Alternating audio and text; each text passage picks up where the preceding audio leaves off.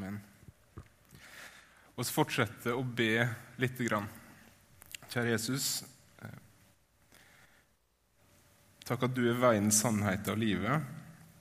Ber må du få gi meg nåde til å snakke sant om deg, til å snakke sant om oss. Må du vise oss hvem oss er. I ditt navn. Amen. Elsk deg sjøl.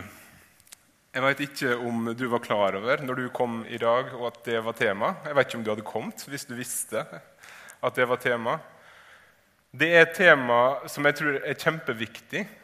Samtidig så er det et tema som jeg tror gir mange av oss litt sånn klamme Altså, det er, ikke, det er ikke det du håpte taleren skulle snakke om nødvendigvis. Men kanskje er det det du trengte likevel. Denne klamheten tror jeg kommer av at når vi tenker på å elske oss sjøl, så tenker vi ofte på det at hvis du sier om noen han der er glad i seg sjøl, for å si det sånn, så er det veldig sjelden positivt meint. Ehm, Det å elske seg sjøl forbindes kanskje med det å være sjølgod eller arrogant, sjølopptatt. Men det er ikke det det skal handle om. Tvert imot så tror jeg at de minst sjølopptatte personene er de som elsker seg sjøl. Når oss elsker oss sjøl, så evner oss å se lenger ut enn oss sjøl. For når oss elsker oss sjøl, når vi vet hvem vi er, når vi er trygge, så er ikke oss sjøl så viktige lenger. Det hvordan, oh, hvordan tok de det når jeg sa det? Eller ah, var det disse klærne jeg burde hatt? Det blir ikke så viktig lenger når vi vet hvem vi er, når vi er trygge på det, når vi elsker oss sjøl. Jeg tror at det handler om å gi definisjonsmakta over hvem oss er, og hva oss er verdt, tilbake igjen til Gud, Han som har skapt oss. Han som elsker oss. En som elsker seg sjøl, har blikket vendt ut fra seg sjøl, ikke innover. Fordi en veit hvem en er, en veit hva en er verdt. En veit hvem en tilhører, og en veit alltid at en er elska. I begynnelsen så skapte Gud himmelen og jorda. Og som det siste og det beste han skapte, så skapte han mennesket. I sitt bilde til mann og kvinne. I sitt bilde for å ligne seg, står det. Med en uendelig, ukrenkelig verdi, med en identitet forankra i skaperen og i det å ligne på han. Skapt som kongelige for å herske på jorda og legge den under seg. Forfylle den, forvalte den. Skapt til positive og meningsfulle relasjoner med hverandre og med Gud. De lurte ikke på hvem de var. De hadde ikke et sånt finn deg sjæl-prosjekt fordi de visste hvem de var. De lurte ikke på om de var verdt noe eller om de var verdifulle, fordi de visste det. De lurte ikke på om de var elska. De visste det. De skula ikke mistenksomt på hverandre. For blikket var ikke vendt innover på oh, hva tenker de om meg, men utover på verden rundt, på mennesker rundt, med nysgjerrighet og åpenhet. Fordi det var en grunnleggende trygghet på hvem de var. Så grunnleggende var den at de ikke tenkte over den. De hadde ikke noe behov for å skjule seg, eller kroppene sine for den del, for hverandre. De var nakne og skamma seg ikke for hverandre, står det. De hadde ikke behov for å skjule noe fra Gud. Det å være naken, det å bli sett, det var ikke farlig, skummelt, truende, skamfullt. Det å bli sett, det var trygt og godt.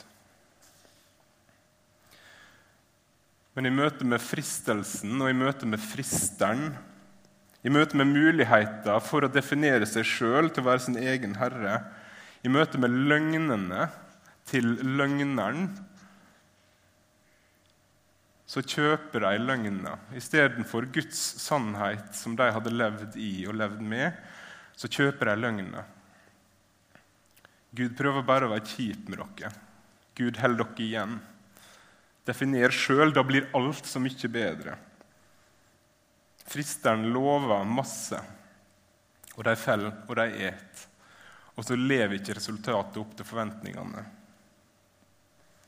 Det første som skjer når de har spist, er at de ser at de er nakne, og tenker umiddelbart 'jeg må dekke meg til'. Når Gud kommer, så gjemmer de seg igjen fordi de er nakne. Så det å være naken er plutselig noe skamfullt, noe, noe fryktelig vanskelig. noe. Løfta til slangen stemte ikke. Løgnene viste seg å være nettopp løgn. Det å sjøl være Gud, det å definere seg sjøl, var ikke så gøy som de hadde tenkt. Resultatet levde ikke opp til forventningene. Før så var de nakne og skamma seg ikke for hverandre. Nå derimot helt annerledes. Vi skal lese ei historie i lag som kanskje en del av dere kjenner fra før, fra Johannes kapittel 4. Vi leser fra vers 3. Så har du Bibel på mobil, så er det bare å henge med. Da tok Jesus ut fra Judea og dro til Galilea igjen. Han måtte dra gjennom Samaria, og der kom han til en by som heter Sykar.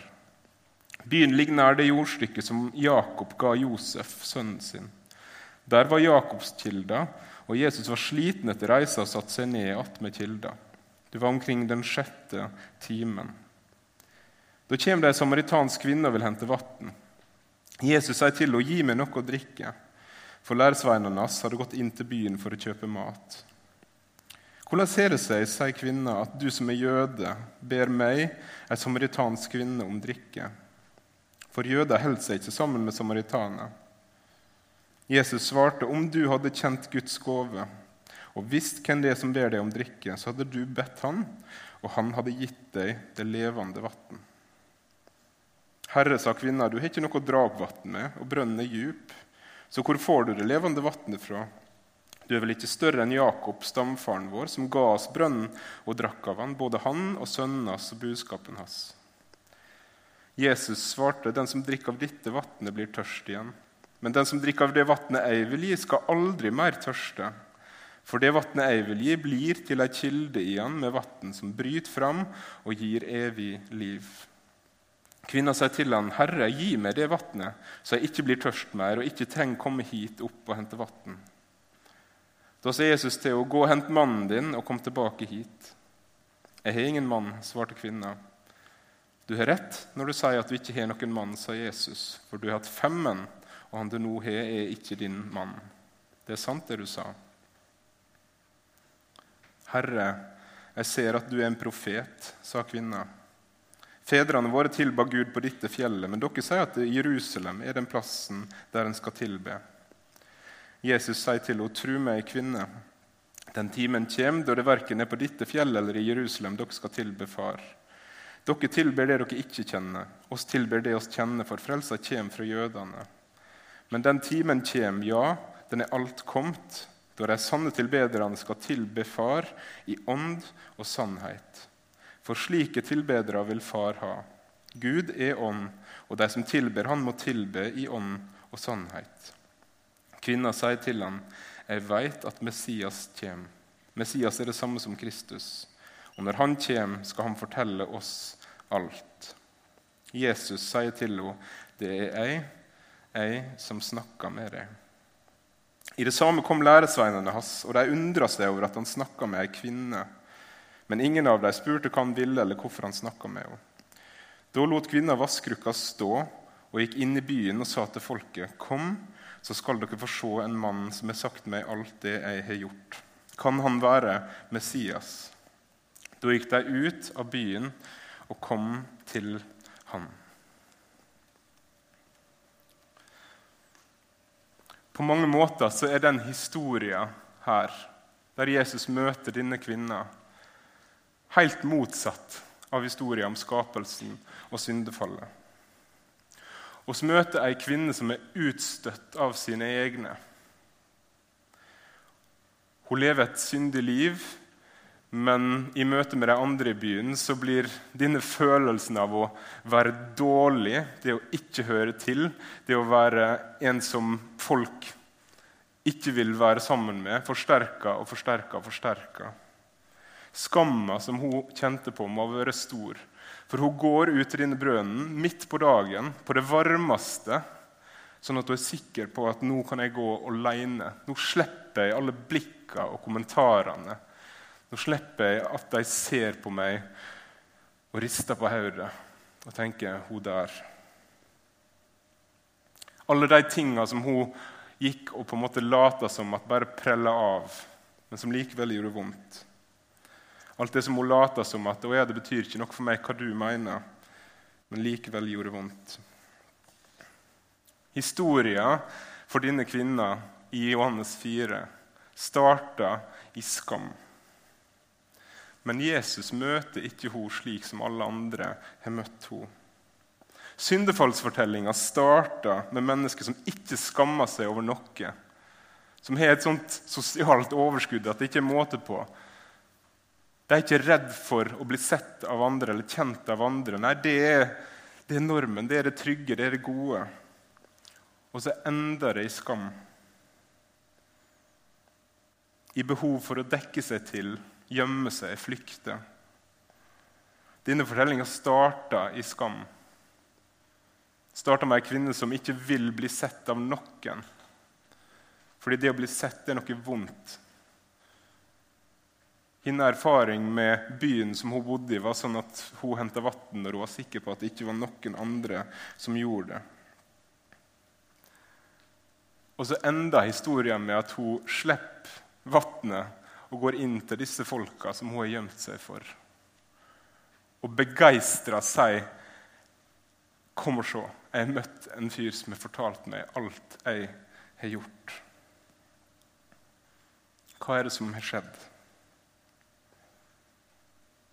Alle mennesker har behov for å bli kjent av noen. Behov for å bli sett, behov for å bli elska. Og så er skapt til det, og så er skapt til relasjoner og så er skapt til å ha en identitet som er forankra en plass der det er trygt å forankre identiteten sin. En plass som ikke vakler, forandrer seg. I Gud sjøl.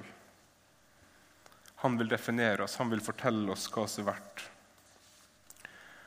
Og så er egentlig relasjonene våre meint å være bekreftende for denne identiteten mitt møte med andre mennesker skal ideelt sett være sånn at andre mennesker får fortelle meg akkurat det samme som Gud vil fortelle meg om hvem jeg er, hva jeg er verdt, om jeg er elska eller ikke. Dessverre så har synda ødelagt relasjonene våre. Når vi ikke veit hvem vi er, og at vår verdi står fast, så blir ofte relasjonene våre prega av posisjonering og status. Eller de blir prega av en sånn 'what's in it for me'-tankegang. De blir på en måte et bytte av tjeneste. Jeg bringer noe til bordet som er til glede for deg, du bringer noe til bordet som er til glede for meg. Og med en gang det ikke er der lenger, med en gang jeg ikke greier å levere det jeg skal, så er ikke relasjonen verdt noe lenger. Slik var det ikke meint at det skulle være. Og ekte vennskap, ekte på en måte dype, gode relasjoner, er ikke sånn. Noen relasjoner er sånn og må være sånn. Hvis jeg kommer på butikken og står i kassa, og kortet mitt blir avvist, så får ikke jeg kjøpt de varene jeg skal ha. Og det er greit. Men relasjoner som går hakket dypere enn den mellom meg og kassadama, er ikke et bytte av tjeneste. Det er mennesker som møtes og så er vi skapt slik at vi egentlig da skal bekrefte hverandre. Ikke alt oss gjør, men at oss er verdt noe. At oss er elska, uavhengig av prestasjoner, uavhengig av hva jeg bringer til bordet. Og så er vi også skapt sånn at relasjonene våre egentlig ikke skal være en sånn Oi, nå tryner han. Bra. Da kan jeg trakke litt ekstra på han, sånn at jeg får gå ett hakk opp. Men ofte så blir det sånn. Det er ikke sånn det skal være. Det skal ikke være et spill om status. Det skal ikke bare være et spørsmål om hva jeg kan få ut av det. Og Pga. at det er sånn, så blir vi ofte veldig destruktive, fæle med hverandre. Veldig ofte så påfører oss andre skade. Vi påfører hverandre skade. Og Dypest sett så er det fordi oss lyver om hvem den andre er, om hva den andre er verdt. Om de er verdt å elske eller ikke. Oss sier at de er dritt, når Gud vil fortelle at de er elska.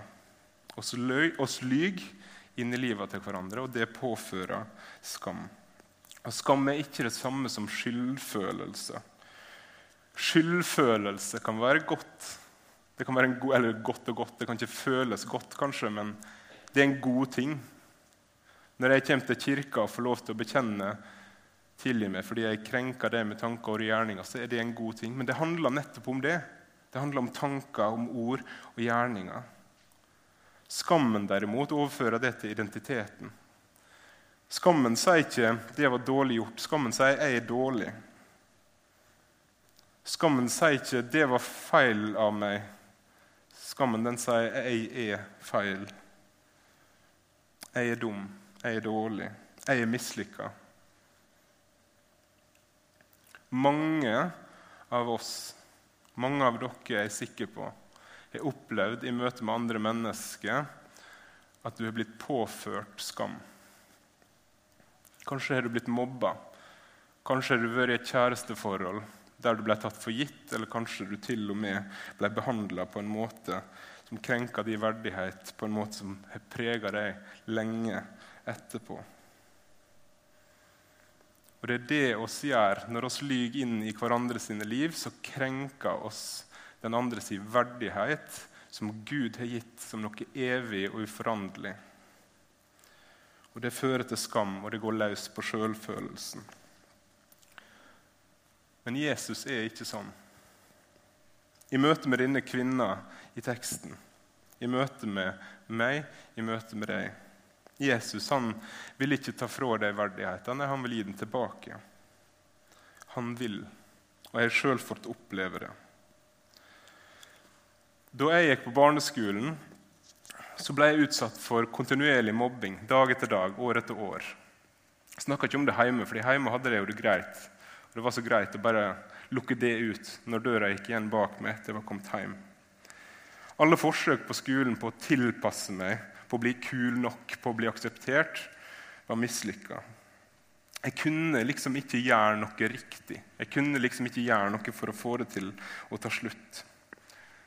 Det som fikk det til å ta slutt, derimot, var at vi flytta etter noen år. Ikke pga. mobbinga mi, som jeg ikke hadde snakka om hjemme, men pga. andre ting. Og dit jeg kom, var det jo greit. Så da tenkte jeg at da er det vel greit. Men mobbinga hadde satt dype og varige spor i meg, gitt meg sår som jeg ikke ville røre men som likevel preger alle mine relasjoner til folk utenfor min egen familie. Men mobbinga var jo ferdig. Jeg var jo kommet videre. Jeg hadde jo overlevd. Hadde jeg ikke det? Det var jo en suksess, tross alt. Vi hadde flytta, og jeg var fortsatt i live. Men hver gang jeg skulle møte noen på min egen alder, så var det et mareritt. Fordi de var jo fienden, på en måte. Og selvfølgelig var de det, for hadde jeg fortjent noe bedre. På skolen slo jeg ned mine egne kompiser når de kom med det som jeg etter hvert lærte var vennskapelig kødding. Fordi når det kom en sånn spøk, så tenkte jeg med en gang ok, her må jeg bare sette meg i respekt med en gang. For hvis, sånn kan det ikke, altså Jeg vil ikke at det skal skje igjen. Så du, og så Au! Hvorfor gjorde du det? Å ja, det var, det var ikke vondt meint. Ok, Det er ikke jeg vant til. Når jeg reiste på leir, så var det meg forventning om at ingen her kommer til å ville henge med meg. Og selvfølgelig vil de ikke det. Ingen her kommer til å like meg, og selvfølgelig vil de ikke det. Hvorfor skulle de det? Mobbinga hadde planta ei stemme i hodet mitt som sa at eh, alt det som skjedde med deg da, ja, det er kanskje over nå, men du fortjente det egentlig. Du var jo veldig teit tross alt.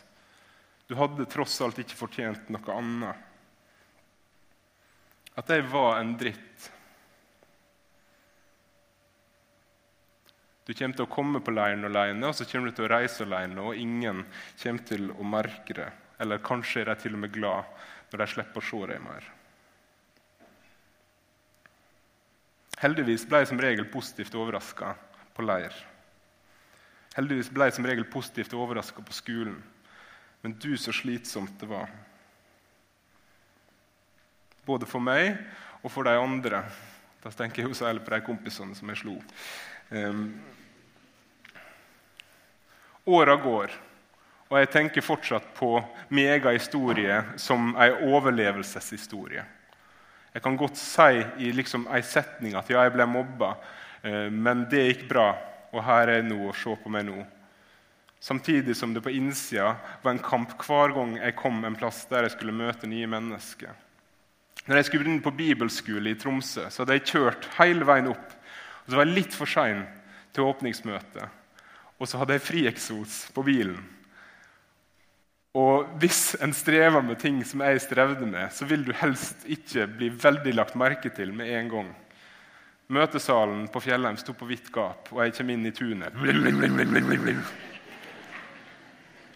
Og jeg sitter i bilen i halvannen time, to timer, og vurderer skal jeg bare kjøre hjem igjen. De hater meg jo i utgangspunktet, og nå har jeg ødelagt hele åpningsmøtet. Orker jeg dette? Rasjonelt ikke i det hele tatt. Og Grunnen til at jeg ble værende, heller ikke rasjonell i det hele tatt. Jeg så på tripptelleren, så 1541 km og tenkte det orker jeg faktisk ikke. Går inn, skal til å ta meg kveldsmat, men kjenner dette går ikke. Det svartner for meg, jeg må ta meg for. Og så hører jeg en stemme som sier 'Å ja, det er du, ja'. Og da roer det seg.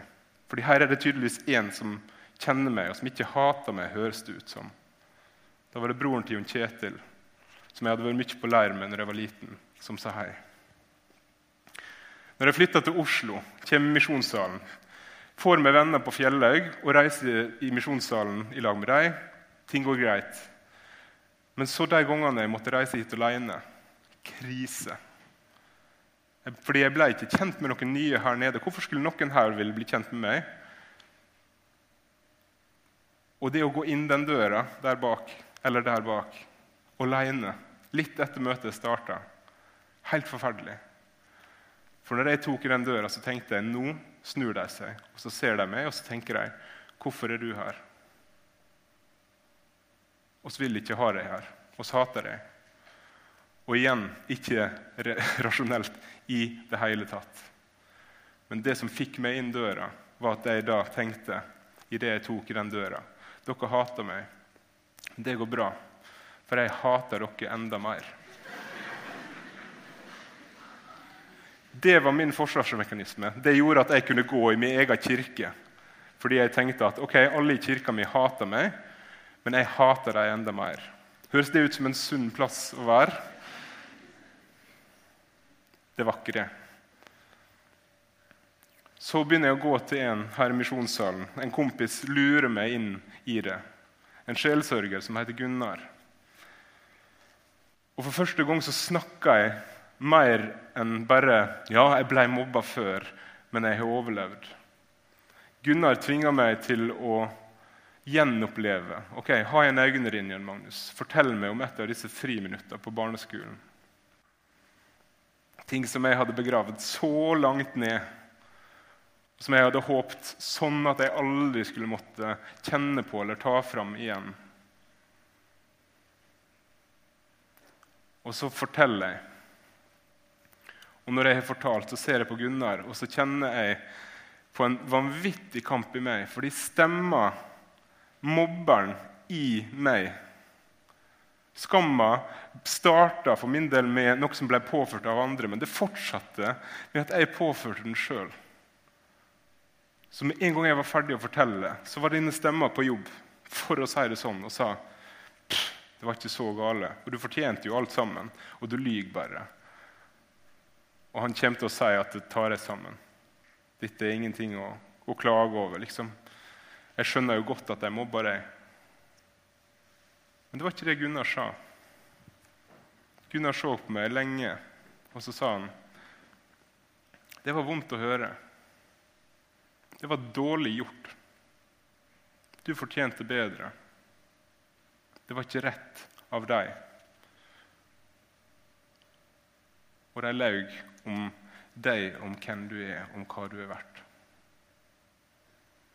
For første gang så snakka jeg høyt om dette til noen, og så møtte han meg og sa det var dårlig gjort av deg. Og Plutselig så var det akkurat som at den stemma fikk litt mindre plass. Det var det. Det var dårlig gjort. Jeg fortjente det faktisk ikke. Det var ikke riktig av deg å få meg til å føle meg sånn. Litt seinere fortalte jeg også om denne forsvarsmekanismen som jeg hadde her i misjonssalen. Og Gunnar sa ja. Du, men ok, du, hvis du ser for deg at du sitter i salen sjøl, og døra går opp, og så står det noen der. Tenker, er dine første og mest naturlige tanker Hvorfor er du her? Jeg vil ikke at du skal være her. Jeg hater deg. Selvfølgelig ikke, sa jeg. Og Gunnar sa nei. Spørs om det kanskje ikke er så vanlig for andre heller.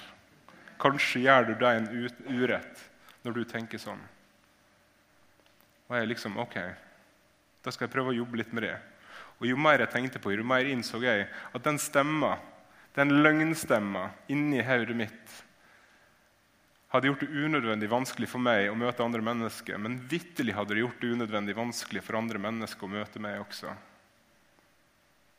Takk Gud for at jeg har fått meg venner opp igjennom, på leir, på Fjellhaug og sånn. Når alle mennesker egentlig starter på minussida i møte med meg. Når jeg har sett på alle og tenkt du vil sikkert ikke ha noe med meg å gjøre. Du vil sikkert ikke henge med meg. Du er sikkert fæl. Du kommer sikkert til å være slem med meg. At folk da har gadda å bruke tida på å komme innpå og gitt meg sjansen til å tenke at å ja, du er ålreit. Du vil meg godt. Det takker jeg Gud for. I møte med Gunnar så fikk jeg også et møte med Jesus og hans sannhet om hvem jeg er. Han vil definere meg, hva jeg er verdt. Han vil definere deg, hva du er verdt. Kanskje har du også opplevd mobbing. Kanskje har du også opplevd at relasjoner med andre har vært relasjoner der de har påført deg skam og lidelse. Da vil jeg si på vegne av både Gunnar og Jesus det var dårlig gjort. Det var dårlig gjort av deg. Det var ikke sånn det skulle være. Du fortjente det ikke. Ikke la det definere deg. Jesus elsker deg. I møte med denne kvinna i teksten fra Johannes 4 så inviterer Jesus henne tilbake til utgangspunktet. Til å la seg definere av Han. Han bryter alle grenser og all kutyme. Han snakker med ei kvinne og han snakker med en samaritan. Og han veit hva hun har gjort, men han fordømmer ikke. Han tilbyr derimot ting. Han tilbyr levende vann, evig liv. Han sier at han ønsker at hun skal tilbe i ånd og sannhet. Ønsker, han ønsker hun som en tilbeder. Han åpenbarer hvem han er for henne. Jeg er Messias. Men viktig også han åpenbarer hvem hun er for henne. Det vil han også gjøre for oss. Han vil vise oss hvem han er, men han vil også vise oss hvem oss er. Vår skyld, den har han tatt. Men vår skam, de løgnene som oss sier om oss sjøl, til oss sjøl, eller de løgnene som andre sier om oss, de vil han også ta, og så vil han erstatte dem med sannhet. Paulus fikk også møte dette. Han hadde også mye som han trengte å legge igjen hos Jesus. Mye som han trengte at Jesus skulle ta. Mye som hadde gått gale, mye som ville holde han nede. Men vi kan lese i Galaterbrevet at han også fikk oppleve at Jesus tok det. Jesus var den som fikk definere han. Løgnene fikk ikke ta fra ham frimodigheten, vissheten om at han var elska, eller hans opplevelse av å være verdt noe. For i møte med Jesus så hadde hele livet og hele identiteten hans blitt ny. I Galaterbrevet 2 så står det jeg er korsfesta med Kristus. Jeg lever ikke lenger sjøl, men Kristus lever i meg. Og det livet jeg nå lever som menneske av kjøtt og blod, det lever jeg i trua på Guds sønn, som elska meg og ga seg sjøl for meg. Det var ankeret til Paulus. Midt i alt som skjedde i livet og det var en del, hvis dere leser historien om Paulus. Midt i alt det så sto dette fast. Han som elska meg og ga seg sjøl for meg. Kvinna går inn til byen, inn til mobberne, inn til de som hadde fortalt henne alt hun hadde gjort, men på en destruktiv og negativ måte. Og så driter hun i alt det fordi hun må fortelle deg, hun må fortelle deg, Jeg har møtt en som har fortalt meg alt jeg har gjort. Jeg har møtt en som har fortalt meg alt jeg har gjort. Er det noe å bli begeistra for? Det er trygt å bli avslørt av Jesus. Kvinna springer fra vannet sitt og springer inn i byen. Inn til de som har påført skam, for å fortelle at hun har møtt ham. Det går altså an å være begeistra over at det er en som veit alt. Alt du har gjort. Alt om deg. For Jesus møtte hun ikke med fordømmelse. Hun fant ut at hun kunne ikke, men hun fant ut at hun trengte ikke å skjule noe for Jesus. Hun trengte ikke å gjemme seg for ham. Jesus han var større og er større enn det hun hadde gjort. Han har fortalt meg alt jeg har gjort. Det var trygt. Det var godt. Sannheten satte fri. Jesus ønsker også å møte deg. Han ønsker å møte deg med nåde for syndene dine, ja. Men han ønsker å kaste ut løgnene. Han ønsker å kaste ut løgnene som sier 'jeg er feil', 'jeg er dårlig', 'jeg er dum'. Han elsker deg og ga seg sjøl for deg. Og Den kjærligheten vil han, skal, du, vil han at du skal la definere hvordan du ser deg sjøl. Han ønsker etter Han ønsker å tale sant om deg til deg. Og så ønsker han at du skal tale sant om deg til deg. Og sannheten om deg, med Tor Håvik sine ord, er du er trygg, du er elska. Du er viktig. Amen.